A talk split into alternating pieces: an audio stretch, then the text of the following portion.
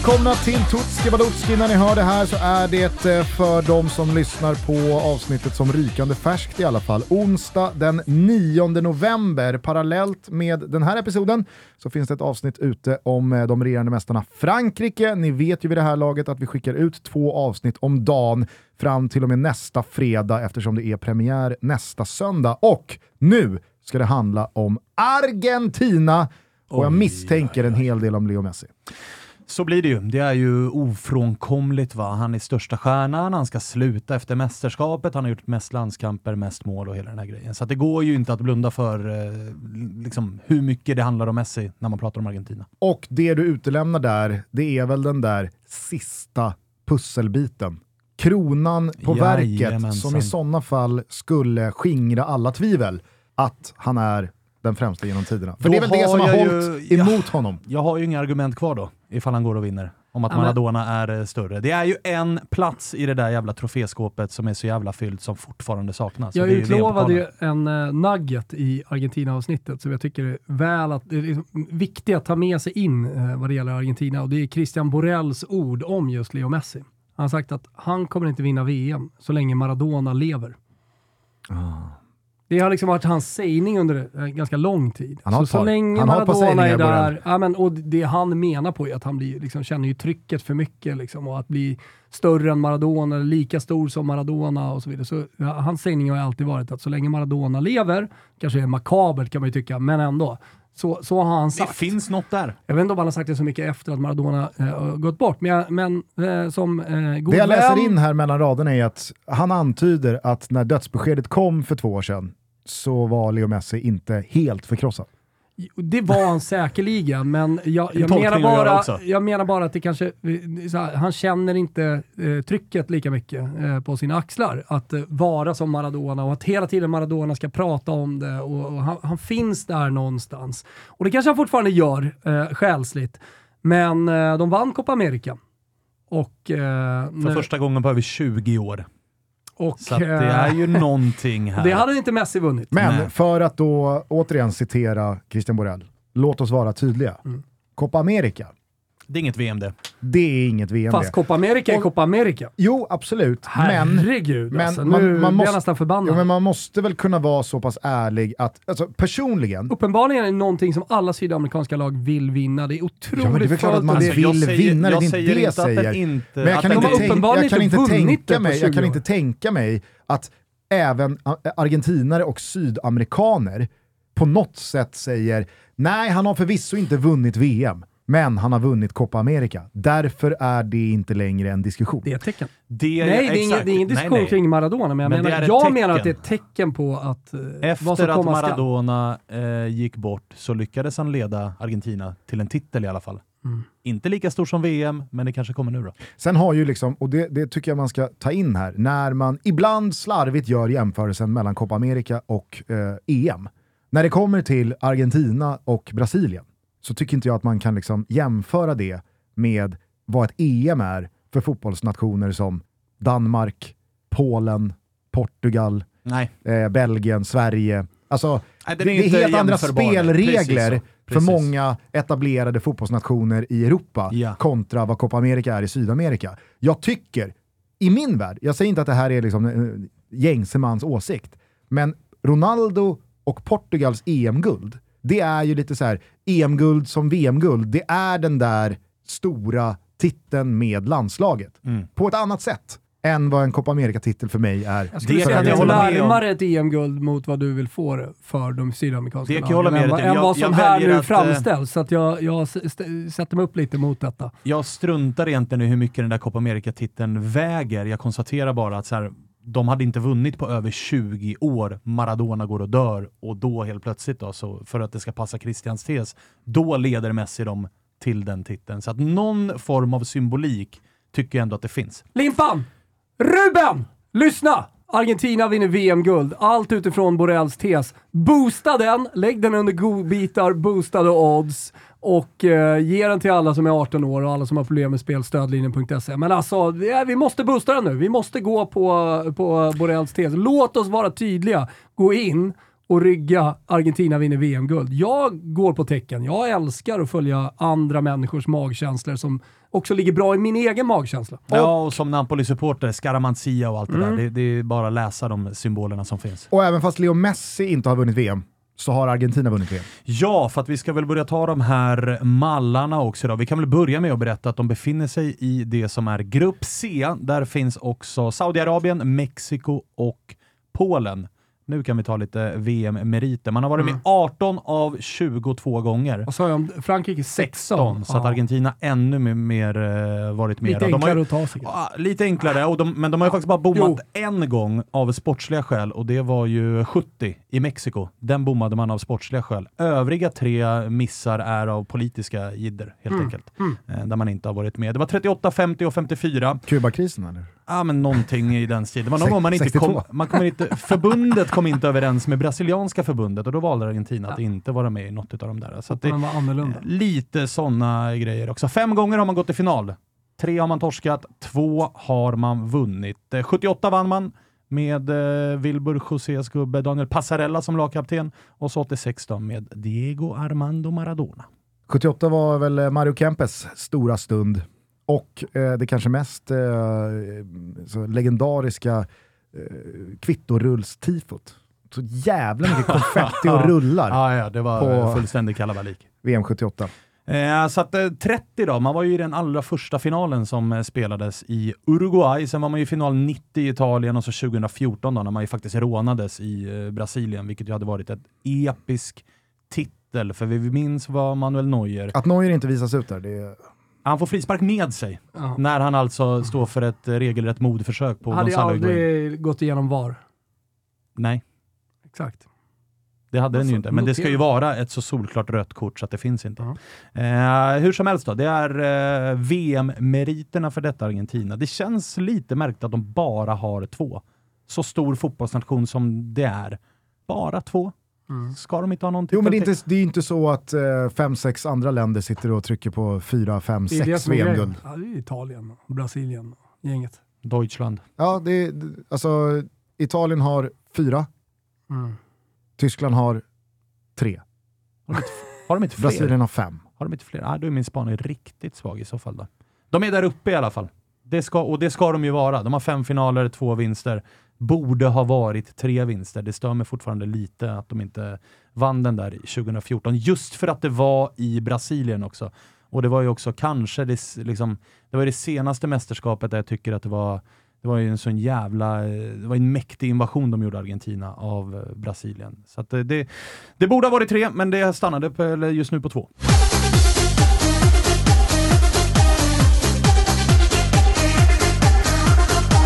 Toto Balotto säger varmt välkomna till Champion. Jajamensan, för första gången så är de med i podcasten och eh, vi är otroligt glada över det. Och jag ska alldeles strax berätta varför, för det är med stolthet vi kan presentera champion i Toto. Många har säkert sett mig gå runt i championkläder. Det är en personlig favorit.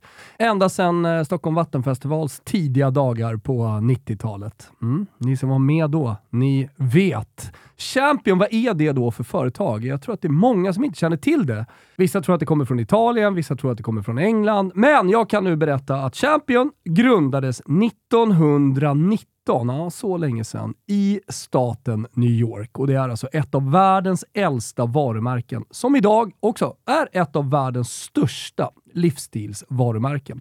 Champion skapade hoodien, och det här tycker jag är lite balt, redan på 1930-talet och då adderades också huvan på plagget för att NFL och MLB-spelare på sideline så att säga skulle kunna skydda sig mot väder och vind. Alltså, Annars är varumärkets eh, ikonprodukt eh, Reverse Weave Sweatshirt. Eh, har ni koll på det eller? Det är alltså ett sätt att förändra konstruktionen på bomullsplagg för att förhindra krympning. Och det är ett patent som man har sedan 1952. Kvalitutta hörni! Jajamensan. Det är till och med så att eh, Reverse Weave Hoodien, den är invald i Museum of Art. Bara en sån sak. Annars har man ju sett genom åren eh, championkläder på några av de absolut största idrottarna, inte minst i NFL och NBA. Dream Team, ja, bästa basketlaget genom tiderna med ikoner som Michael Jordan, Magic Johnson, Larry Bird, Scott Pippen. Ah, fan nu pirrar det till hos folk där ute. Alla bar champion. Skandinaviens flaggskeppsbutik ligger på Hamngatan 30 i Stockholm. Den måste ni besöka av flera anledningar. Man gillar också att eh, Champion har eh, samarbetat och gjort sköna collabs med kända designers som Todd Snyder, Rick Owens och eh, Craig Green. Och Be Your Own Champion är ett uttryck som du kanske har hört. Och nu kan du personifiera ditt Champion-plagg med patches, alltså märken, för en unik look. Detta gör du i Champions Flagship Store på Hamngatan 30 i Stockholm. Och jag hade faktiskt tänkt att damma dit efter avsnittet och sätta dit en liten Toto-logga också. Fan vad mäktigt det hade varit. Men har vi någon rabatt då? Joho då, 25% på hela sortimentet i Champion-butiken på Hamngatan 30 i Stockholm och på championstore.com. Säg Toto25 i kassan i butiken eller ange koden på hemsidan så får du rabatten otroligt generöst av Champion. Vi säger stort tack och eh, glöm inte bort, be your own champion. Testa patcha på era Champion-produkter. Ciao tutti champion!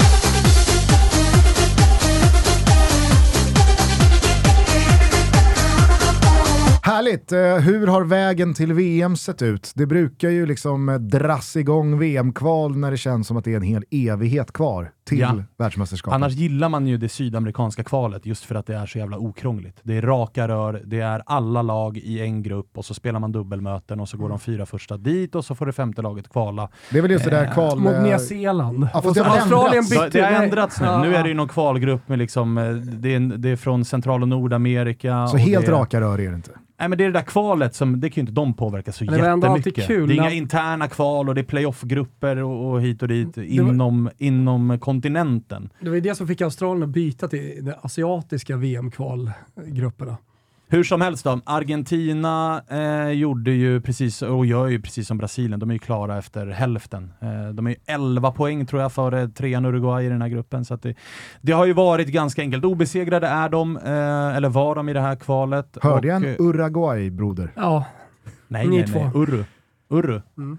Eh, det som sticker ut ifrån det här kvalet och som eh, skapade allra mest rubriker var ju när eh, Brasilien och Argentina skulle mötas redan i tidigt i eh, det här kvalet. Minns ni vad som hände? Nej. Det som blev liksom världsnyheter.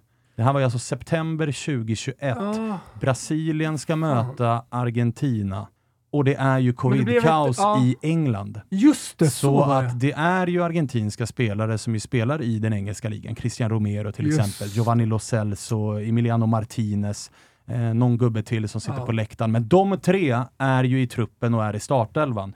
De värmer upp, det är inga konstigheter, matchen drar igång och i den tionde minuten då kommer ju liksom Brasiliens svar på Tegnell, ah. omringad utav vakter och andra funktionärer och bara kliver in och ska plocka av de här tre gubbarna, för de här ska in i karantän. Ah. De har kommit in i Brasilien på ett, på på ett regelvidrigt sätt, vet ni. Så att den här matchen, ja, den spelas ju inte, utan den avbryts ju.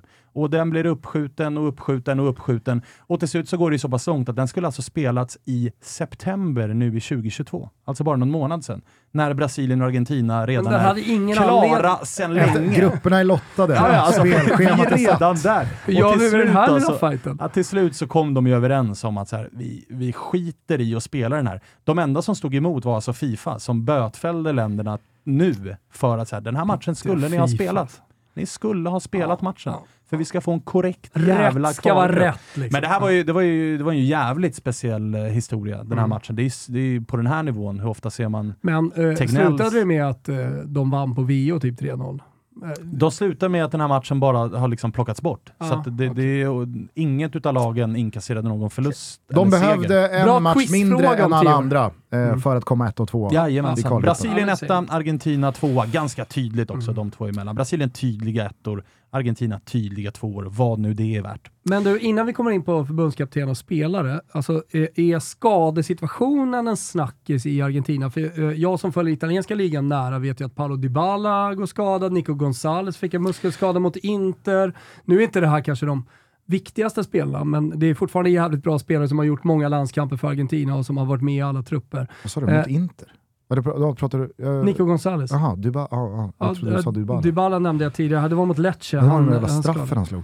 Mot Ja, och då Lecce. kan vi väl Och gå, Di vi, vi kan Maria, väl eh, hoppa lite Paredes. grann i, eh, Mm. i eh, mallen då och gå direkt till snackisen. Och det är ju det att det är många spelare i Argentina som går en kamp mot klockan och som också kommer, alltså Di Maria och Paredes, inte bara är de skadade, de är bärande i landslaget men de har absolut inte fått en rolig start i Juventus. Di Maria som när han har spelat stundtals har gjort det bra, men det har också varit liksom direkta röda kort och det har varit redan tissel och tassel om att han ska lämna i januari, att han är missnöjd med sin situation där.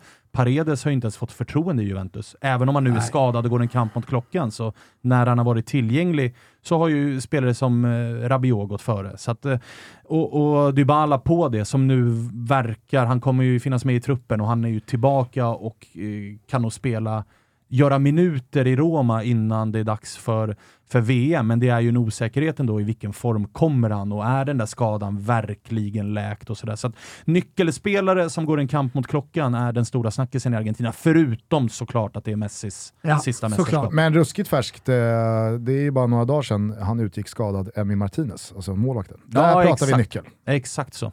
Eh, och sen så har det varit osäkert med eh, Lautaro Martinez också, som har haft lite skadekänning, alltså varit sliten Han i är Inter. lugn. Han, Han är, är han är lugn. Absolut lugn, men det har varit... Juan Musso som Det- är reservmålvakt också, Atalantas keeper, Ja. fick ju någon ansiktsskada men är tillbaka nu. eh, Och ska vi Det har varit ett Argentina som i alla fall behövt ha lite Mm. hjärtat i halsgropen här under hösten och gubbe efter gubbe har behövt eh, rehabba Ja. mer än spela fotboll. Så att det har varit en, en stor snackis i och kring den argentinska eh, bollen. Men eh, ingenting verkar väl vara moln på Scalonis himmel. Jävla superförbundskapten. Ja. Ja, och eh, så jävla speciell karriär. Alltså han är ju 44 år, det är en ung jävla förbundskapten det här. Det brukar ju vara, liksom man gör klubblagskarriären och sen hoppar man på eh, landslagsgiggen. Men han har faktiskt varit på posten sedan 2018 och i och med det här Copa America-titeln som man vinner för första gången på över 20 år så finns det ju inga frågetecken kring Scaloni. Men eh, vi minns ju honom som eh, en eh, jävla härlig höger ytterback i ett par sköna italienska lag. Så att det, han är ju så här lite från ingenstans, en av de som kanske sitter mest säker på sin post. Och var ju smart också, började med att gå under San Pauli eh, som ass, både i landslaget och i, i eh, Sevilla och har ju också varit smart att plocka på sig en stab av eh, pondus, erfarenhet och karaktär. Har ni koll på vilka som är ass? Han har alltså trippla assisterande förbundskaptener. Walter Samuel är en av dem. Där har du en. Muren. Sen så vill jag minnas att, fan om inte Cambiasso är där. Nej, nej. Pablo, Han är- Pablo Aymar är Pablo där. Aymar är där. Cambiasso är ju väldigt mycket italiensk tv. Läspar. Sen har du Roberto Ayala. Så det är ju tre, alltså det är ju pjäser, pondus. det är pondus. Lite som Roberto Mancini gjorde ju när han tog in alla De Rossi och hela, fan varenda jävla... Hur har det VM Rossi 2006? inlett i Spal? Han inledde väl med att vinna 5-0, typ. Så. Supersuccé i debuten Mm. såklart. Så att där kan du fortsätta drömma om att det faktiskt finns någonting. Ja, ja, nej, det, jag vet inte ens om jag drömmer om det. Nej, men det, ja, nej, det, det, det, Ayala- Vad skönt att slippa Ayala. Aymar och Walter Samuel. Ja, som Det är, ju, det, det är ju en älskvärd trojka att Mm. Ja, ha det är det bakom sig. Det är det. Och också smart, för att det liksom rampljuset kommer ju Det är väldigt något mycket... annat än eh, Lasse Jakobsson, Peter Wettergren och Mats Elvendal. Ja, det får man verkligen säga. All respekt till de tre. Det får man Men, absolut eh, verkligen det säga. är, Elvendal är ju fan tränar Buffon. Jo men också smart, för att. Scaloni fattar nog att så här, de har ju de större CV'na, de är de större stjärnorna. Att liksom lite av rampljuset, skulle det gå åt helvete, det kommer också vara lite rampljus på de här tre gubbarna som Men- är större profiler i fotbollsvärlden än vad Scaloni är. Men innan vi kommer in på liksom, stjärnspelare, eh, MVP och stjärnskott och så vidare. Så här, eh, en, en fråga bara när du har gått igenom den här truppen. Eh, nu har inte jag gått igenom den, jag har inte gjort något jobb på det, men centrala mittfältare i Argentina, är det en bristvara? Alltså topp-toppspelare om man nu ska, eh, som vi precis eh, kungjorde, ja, gå hela vägen till VM-guld. Eh, Ja. De, de, de svaret? man, stark, starka, och förutsatt att alla är friska, liksom, centrala backlinjen. Eh, man är otroligt starka framåt. Alltså, där, där har man väl typ tio gubbar som, som kan lira. Men Stark vad, vad, målvaktsposition också, där man har tre, fyra namn som är, eh, som är riktigt bra. Du har ju eh, Musso har du nämnt, Emiliano Martinez. Mm. Du har också River Plate-målvakten Armani som har, eh, liksom, han har, varit, han har spelat en hel del landslagsfotboll eh, och så har du ju eh, Rulli Mm. i Villarreal som också är liksom en. OK-målvakt. Men det är väl Absolut. det som är den stora skillnaden på de senaste årens Argentina och det Argentina som jag i alla fall är uppvuxen med. Ja, Att det har varit 5, 6, 7, 8, 10 världskanoner i de offensiva leden. Men målvaktsposten har varit ganska alltså, svag. ja.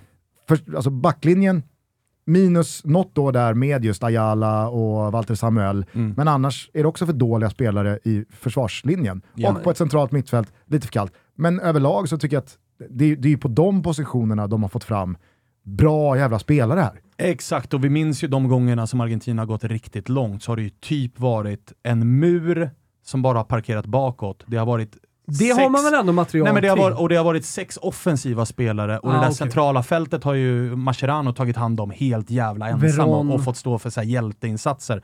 Därför är ju snackisen kring Paredes en ganska viktig Mm. detalj för Argentina, för han behöver komma tillbaka och vara hel.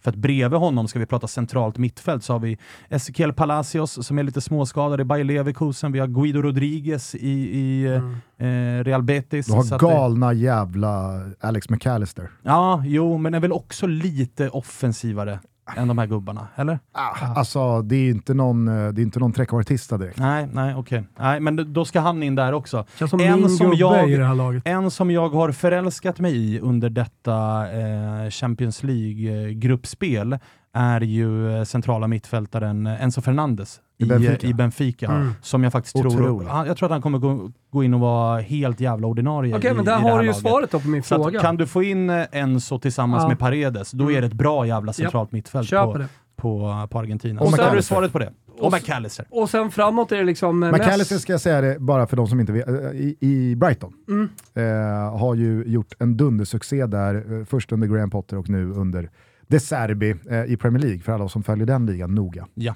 Men eh, alltså framåt då, då är det alltså Messi, Martinez, Dybala, eh, Correa om han kommer med, Julian Alvarez i City.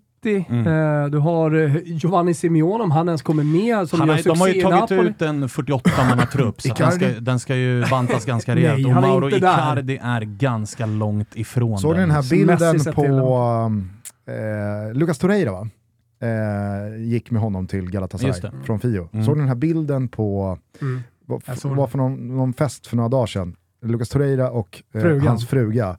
Och så Icardi med handen runt Torreira, men Icardis ena finger har liksom letat sig upp på frugans, arm. Nej. Nej men det, det är väl som att de håller handen med varandra. Alltså det är typ som att de har slingrat lillfingrarna Exakt. med varandra.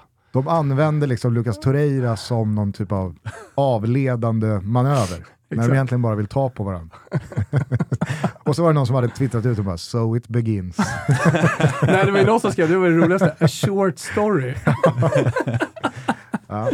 Nej, men Icardi är väldigt långt ifrån den här truppen Ja. och det är nog bra för Argentinas del att han är det, för att det brukar ju bli problem vart han än rör Svårt sig. att välja bland de här gubbarna. också. Bland alla de här gubbarna. Ja, det är det.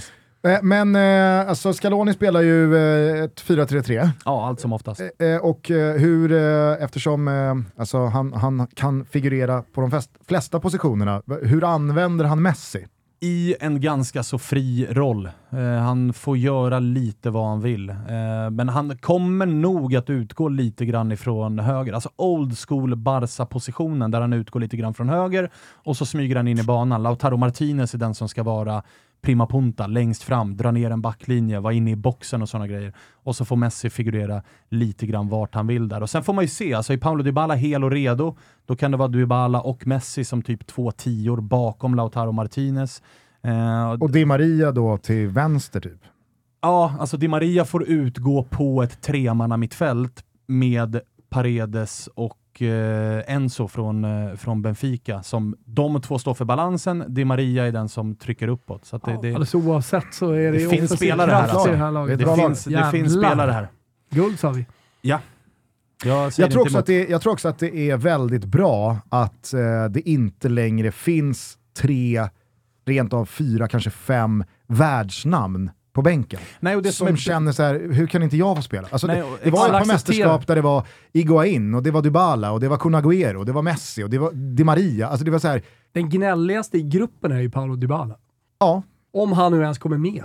Ja, men det, Alltså med det, skada. Det kommer han det, det kommer han absolut Med att vara. skada. Men det som är tydligt här, och det jag tycker att du har en bra poäng i Gusten, är att tidigare så var det väldigt många stora stjärnor på samma position. Mm. Och det var dessutom en väldigt otydlig hierarki. Det var nästan, alltså, man minns ju nästan vissa mästerskap där det var tre olika nior i varje gruppspelsmatch. För att säga, du gjorde inte mål, då plockar vi ut dig. Nu känns det ändå som att hierarkin i det här laget är ganska så tydlig. Att Lautaro Martinez vet vart han har Messi, Messi vet vart han har Di Maria. Alla vet om vem som är stjärnan och vilken ordningen är därefter. Och det talar ju för Argentina här. eh, Buendia har Ja. vi inte nämnt. Nej. Men det har väl varit lite av eh, en eh, Scaloni-favorit. Mot Ja och nej, han har fått en del speltid, men jag har svårt att se att han kommer vara... jag har svårt att se att han kommer få jättemycket Han speltid truppen. här under mästerskapet. Han är med i truppen. 48. Han är med i Ja. 48-mannatruppen. I den ska det ju nämnas att där Han har finns gjort en liksom... landskamp. Där finns... Men, eh, där alltså, finns jag, vill, jag vill minnas när du och jag gjorde avgörandet av eh, det sydamerikanska VM-kvalet eh, i januari. Mm. Så gjorde jag jobbet kring, eh, alltså då, då var det eh, Argentina skulle möta något av lagen. Exakt. Och då var det just att eh, Emiliano Buendia eh, skulle debutera. Och Mm. att Scaloni hade talat väldigt varmt om pratat honom. gott om Ja. honom, absolut. Men sen ska han in i, i ekvationen också och där Jo, är det några för... Men det som ska sägas om den Har där väl ingen stora... kanonsäsong i ryggen. Nej, och den är eh, att vara med i truppen just nu, Thomas säger inte jättemycket. Där finns Valentin Carboni, 17 år ifrån Inters Primavera-lag. Mm. Där finns Luca Romero som knappt får känna på planen i Lazio.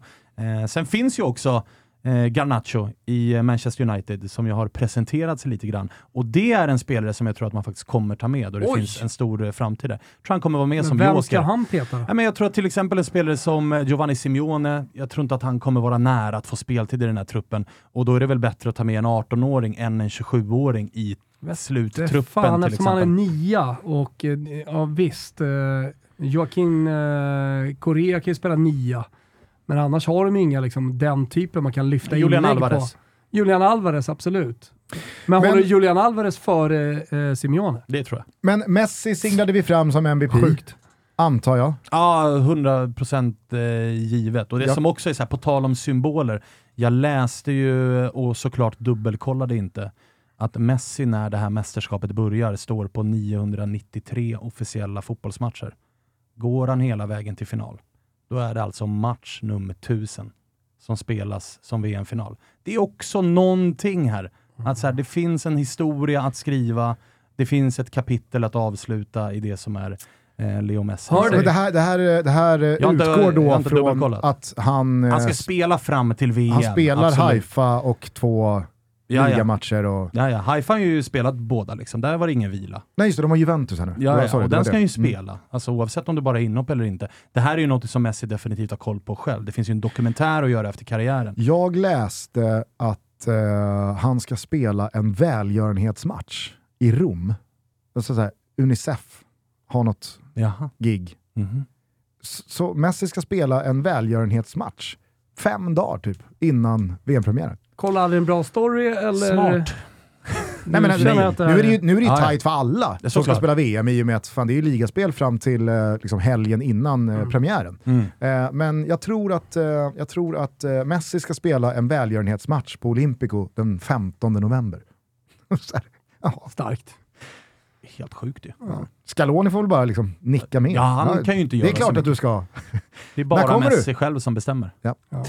Eh, vem är stjärnskottet?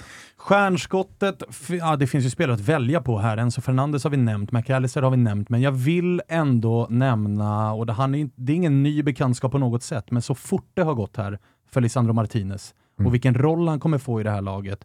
Och ändå så här, han har varit i Ajax tre säsonger, så det är absolut inte så här Ja, men det här någon tycker jag är bra. ny. Jag tycker det är bra. Men så fort han har gått från att vara en lite ifrågasatt värvning i Manchester United, att så här, han är 1,75 lång, det är Ten Hags gubbe, vad fan ska han göra i Premier League? Älskar sydamerikanska mittbackar som kommer är lite in- för korta. Ja, och kommer in och alltså på rekordtid blir en supporterfavorit. Och då ska ju gudarna veta att nyförvärv har det inte jättelätt i Manchester United. Nej, det är Speciellt inte på den snarare- positionen med Nej. Maguire, Vigge. Nej, Eh, Varann har inte heller rosat marknaden. Phil Jones. Och så här, den spelstilen, Bailly. så som, han har, så som han anpassat sig till eh, både United som klubb, men också den där ligan. Det, och nu är liksom, han är på världsscenen och det grövsta nu och nu kommer han starta i Argentina och i en viktig jävla position som mittback, för det är ett utsatt lag defensivt. Så det, jag, jag älskar honom. Det Vet du vem han eh, honom. påminner om? Berätta. Ayala.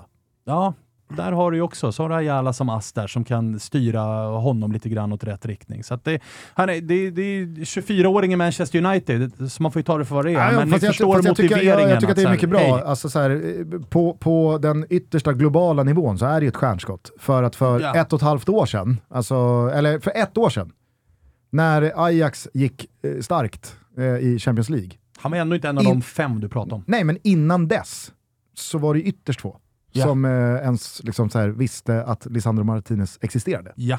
Så att, eh, det, är väl, det är väl jättebra att du lyfter upp honom. Och så här, han har inte ens gjort tio landskamper, så även där är det ju heller, han har inte varit där hela tiden. Kollar man på liksom U-meriter, det verkar inte ha varit någon superlovande talang, för det finns knappt några ungdomslandskamper, så det har ju uppenbarligen gått jävligt fort här Vem har han eh, bredvid sig? Är det Romero? Det kommer nog vara det. Ja. Det kommer nog vara det. Mycket talar för att det blir det. Sen måste vi också in med smeknamnet här. Har ni koll på vad Lisandro? kallas? Ja. The Butcher? The Butcher. Ja. Det måste man också... Då, det Slaktaren. gör- ah, så fint. Jag vet, inte, jag vet inte varför jag översatte det, men Nej, det, Butcher betyder slaktare i alla fall. hej. Alla, våra, alla våra lyssnare kanske inte har koll på Min, det. m- min eh, pappa hade det smeknamnet också. Då så. Då så. Han eh, gjorde en säsong med min farbror, min, alltså pappas lillebror, Mm. Tommy Karlsson. Min pappa heter Hans Karlsson, HK och så Tommy heter TK. Och den säsongen, för Tommy var inte lika, han var inte lika bra, Nej. eh, var inte lika given i, i A-lagstruppen. Men den säsongen då de spelade ihop så kallades de för Bröderna Butcher. Bra. Mm. Bra. Bra. Eh, så att, eh, med andra ord, han hade nästan kunnat vara, med den infon, så hade han nästan kunnat vara vår gubbe. Men Ja. det är han inte. Han Nej. är stjärnskottet. Jag Han är fattar. stjärnskottet.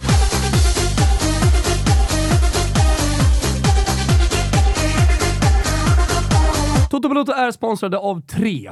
Jajamensan, mobiloperatören 3. Och de jobbar ju i en lite märklig bransch där alla säljer mer eller mindre samma sak. Förutom att fixa bra deals på mobiler och surf så satsar 3 därför lite extra mycket på två saker. Det första är att ta fram så flexibla tjänster som möjligt utan bindningstider. Så att man kan eh, ångra sig och ändra sig längs vägen. Ja, men ni fattar. De vill helt enkelt att man ska vara nöjd och känna sig flexibel. Men de är också väldigt trevliga. Och när jag menar väldigt trevliga så tycker vi att det är härligt att de har gett oss utrymme i deras spot här nu att prata om precis vad vi vill. Och vi har ju en systerpodd som heter Never Forget, så jag tänkte faktiskt att eh, utnyttja den här stunden att presentera Erno Erbstein. Jajamensan. Lyssna in och om ni får mer feeling så kan ni fortsätta lyssna på eh, Spotify där hela vårt bibliotek av Never Forget-avsnitt finns. De kommande åren under Erbsteins överinseende cementerade Il Grande Torino sin status som Italiens överlägset bästa och mest framgångsrika lag. De gjorde processen kort med ligatitlarna och spelade en typ av fotboll som kan beskrivas som totalfotboll. Ett fenomen världen inte skulle se igen förrän det holländska ditåt på 70-talet. Erbsteins spelsystem då? Ja, vad var det? Han kallar det alltså kort och gott för Il Sistema. Och i Torino cirkulerade allting kring superstjärnan Valentino Mazzola, lagets kapten och 1940-talets guldgosse. Mazzola var katalysatorn, alltid i centrum, och drev resten av lagets motor som utgjordes av ytterbackarna Giuseppe Grezzar och Eusebio Castigliano tillsammans med Mazzolas mittfältskollega Ezio Loik. Det här var hörnstenarna i Erbsteins lagbygge och kom att kallas Il Quadrilatero. Varje enskild spelare skulle kunna låsa upp motståndarnas försvar med passningar till yttrarna Romeo Menti och Franco Osola. Eller den kliniska anfallaren Guglielmo Gabetto. En fysisk och dominant trebackslinje. Aldo Ballarin, Mario Rigamonti och Virgilio Maroso pressade högt och de som försökte passera dem gjorde det med livet som insats. Längst bak stod lagets målvakt, den karismatiske Valerio Bacigalupo. Med sina kattlika reflexer och akrobatiska räddningar vann han inte bara fotbollsmatcher åt sitt lag, utan också supportrarnas hjärtan. Det var det ultimata laget. Torino vann Serie A tre gånger till i följd och vid ett tillfälle utgjorde Torino-spelare hela tio man i Liazzurri, den italienska startelvan. Framgångarna gav laget legendstatus och epitetet som många av oss känner igen, Il Grande Torino. Och de är av många fortfarande ansedda som det bästa laget någonsin i italiensk fotbollshistoria. Ja, den här spotten handlade inte så mycket om Tres produkter, men det var trevligt att vi i flexibilitetens tecken fick göra precis som vi ville. Tack, Tre! Lystring, lystring, lystring. Det är dags. Det är den tiden på året. Den 8 november så finns Football Manager 2023 tillgängligt och det på PC, Mac, Xbox, mobil och Apple Arcade. Jag vet att det är många som varje år tycker att detta är ett heligt datum när nästa års Football Manager kommer ut. Om man inte har testat det, kanske det är dags. Eller man kanske till och med haft ett eh, uppehåll och inte kört på ett tag. Nej men fan, kliv på nu! Det kommer jag göra. Det handlar ju om att du tar över tränarjobbet i valfritt fotbollslag i världen. Detta legendariska fotbollsspel bara rullar på sedan tidigt 90-tal och som sedan 2005 går alltså under namnet Football Manager. Sport Interactive heter de som har skapat det och de finns i London. Sen ges spelet ut av Sega. Jag vill också slå ett slag, för jag vet att det finns mycket kult kring eh, Football Manager och det är för vår fantastiska tröja vi har gjort på Nakata med legender, alltså Football Manager-legender som Freddie Adu, Vargas, West, Rajkovic i mål, Fierro på topp, eller varför inte nummer nio, Nicky Forenko. Ja, den här legendariska tröjan finns på nakata.se. Men viktigast, 8 november. Då finns Football Manager 2023 tillgängligt. Håll också utkik på våra sociala medier så ska vi se till att eh, tävla ut några Football Manager 2023. Vi säger stort tack för att ni hela tiden fortsätter att utvecklas och för att ni är så fantastiska på Football Manager.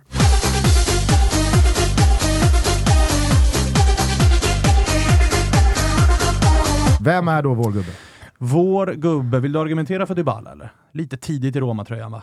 Alltså, absolut inte min gubbe. Nej, okej. Okay. Thomas, Nico Gonzales, Lucas Martinez Quarta är med. Ja, Nej. kommer han med i truppen? Jag tycker inte han är svim. Där, där, har du liksom en bröderna Butcher-aspirant. den sämre, han och den Lisandro. sämre benknäckaren är Lucas Martinez Quarta. Som väl när han debuterade Nej, det är mest, i Fiorentina. Det är mest röda kort jag har sett. Ah, I debuten. Ja, det är rödare än Neuers kort. Rodrigo de Paul. Ah, han var där och nosade. Giovanni Simeone kan jag ju såklart inte säga, eh, för jag tror inte att han kommer vara med. Utan jag landar i Papu Gomes som våran gubbe, för att han också han kommer... Han kan starta. Att, han kan starta och startar han inte så kommer han att få hoppa in och det är ju en enmansshow. Alltså det är en rockstjärna i detta Argentina som kliver in på planen och väldigt ofta bara Antingen är han helt jävla osynlig, eller så gör han ju 2 plus 1 på 30 minuter. It's all coming back to me now, för att nu kommer jag återigen då ihåg eh, när vi gjorde det här eh, sydamerikanska kvalavsnittet för ett knappt år sedan. Och jag läste in mig då på liksom Scalonis Argentina som gick och vann Copa America. Att den, alltså, nästan alla nämnde ju då Papu Gomes ja. roll i det här mästerskapsguldet. För att han skötte käket hela turneringen. Han grillade, grillade. varje så. dag. Exakt så. så han är ju, och sen så är det ju också så här, man gillar ju, man gillar ju också karriären som har varit liksom, från Catania till Metalist Charkiv, tillbaks till Italien och, mm. och Atalanta. Och är liksom, det är väl lite smutsig är, exit från Atalanta Ja, jag tänkte säga det. Också, trots så. att han är liksom älskad mm. av en mm. hel jävla stad, binden runt armen, det är Champions League och det hela den grejen, så hamnar han i beefen med Gasperini och vägrar ge sig. Gasperini det är två stycken... Zero fucks given på Gasperini. fucks given på Gasperini. Men också på Papagomes, för att rapporten efteråt är ju att Papagomes veks inte. Nej. Att han stod för sin grej och så här ska vi göra. Och de sprang in i varandra och då var det bara för Papu Gomes att packa och dra, dra till Sevilla och har väl inte varit superbra där, men vad fan. Han har inte varit superdålig heller. Nej, och det är en så och, jävla älskvärd eh, fotbollsspelare. Han har ju, eh, av det jag har sett, så har han ju fått en ganska så fin start eh, under Sampaoli. Så att, ah, ja. alltså, de, de, har de, hittat varandra. De hittar ju varandra. Ah, ja, definitivt. Att, och det är ju en, det är en underbar spelare att att, eh, att titta på. Men Det- får, det- jag, får jag bara fråga en sak? Så här, jag, Mm. jag kastar ett litet getöga på en potentiell startelva mot Saudiarabien. Har vi Mm. nämnt gruppen, vilka de har? Det har vi gjort. Förutom eh, Saudiarabien så hittar vi där också eh, Polen och Mexiko. Ja, okej. Ja, de vinner den gruppen. Eh, då har vi gjort det Kämpa. Saudi. Ja, det, det är Ja. definitivt. Nej, men, Definitivt. men när jag kollar på det så ser jag en 4-2-3-1 uppställning med Molina, Romero, Otamendi och Tagliafico. Mm, inte dum. Mm. Och eh, Rodrigo de Paul, de Paul, de Paul eh, och eh, Paredes centralt. Och sen då framför dem en trio med Di Maria, Messi, Lo Celso eller Papagomes och sen Lautaro Martinez längst fram. Inte är ju liksom... Uh, Lo Celso måste, alltså Lo Celso kan ju Jag inte... gillar ju inte Lo Celso. Nej, alltså. inte det, är- det är en, vet du vad han är? Han är en provinsspelare. Mm.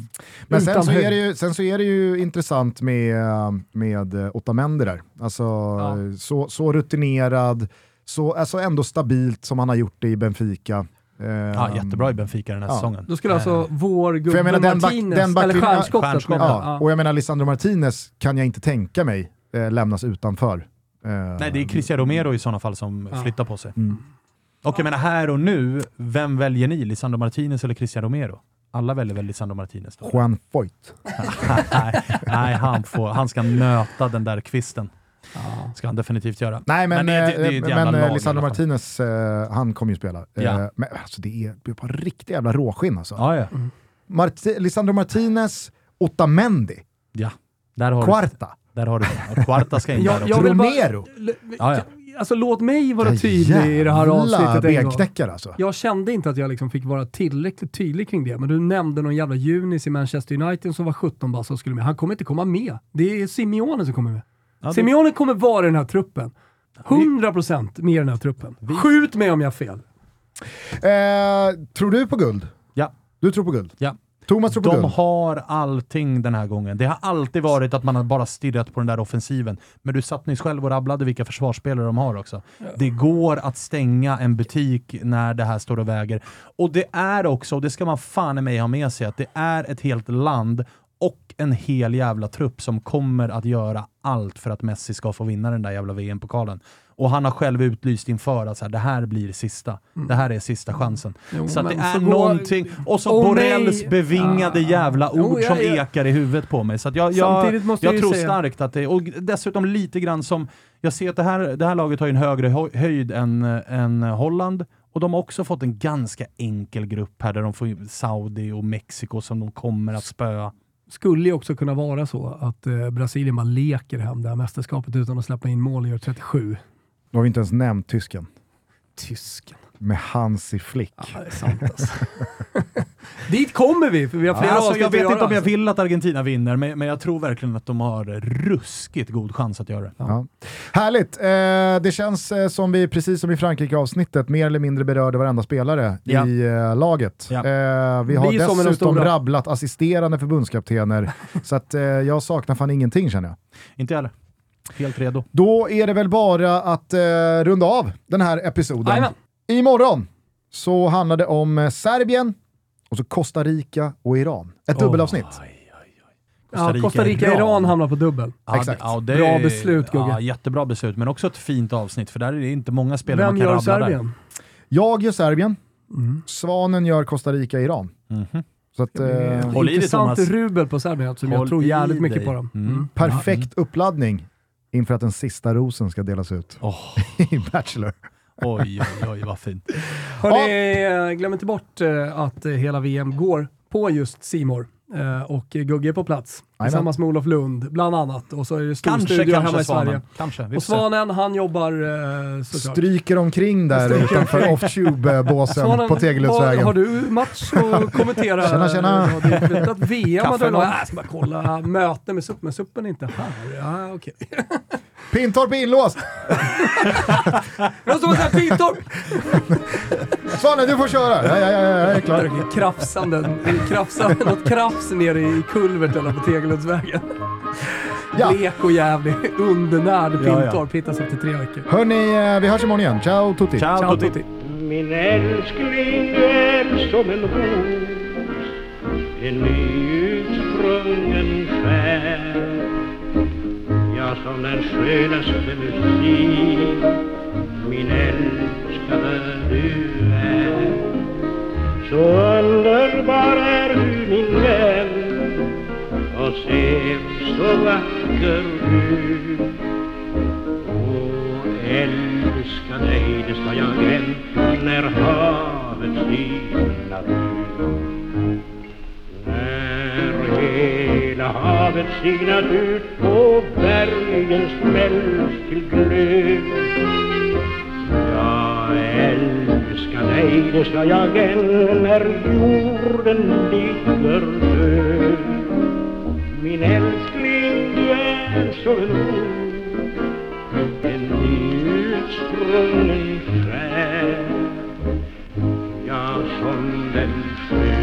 musik min älskade du är.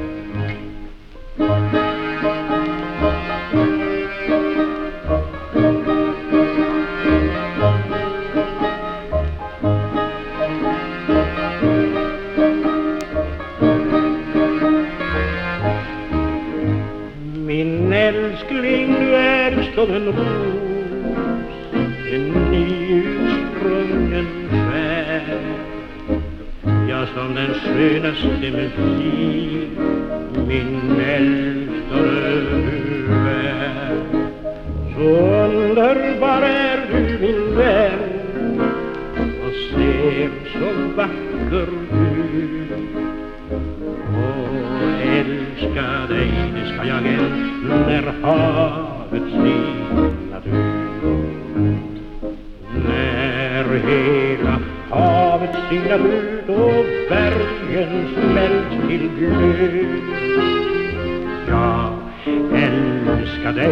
dig, det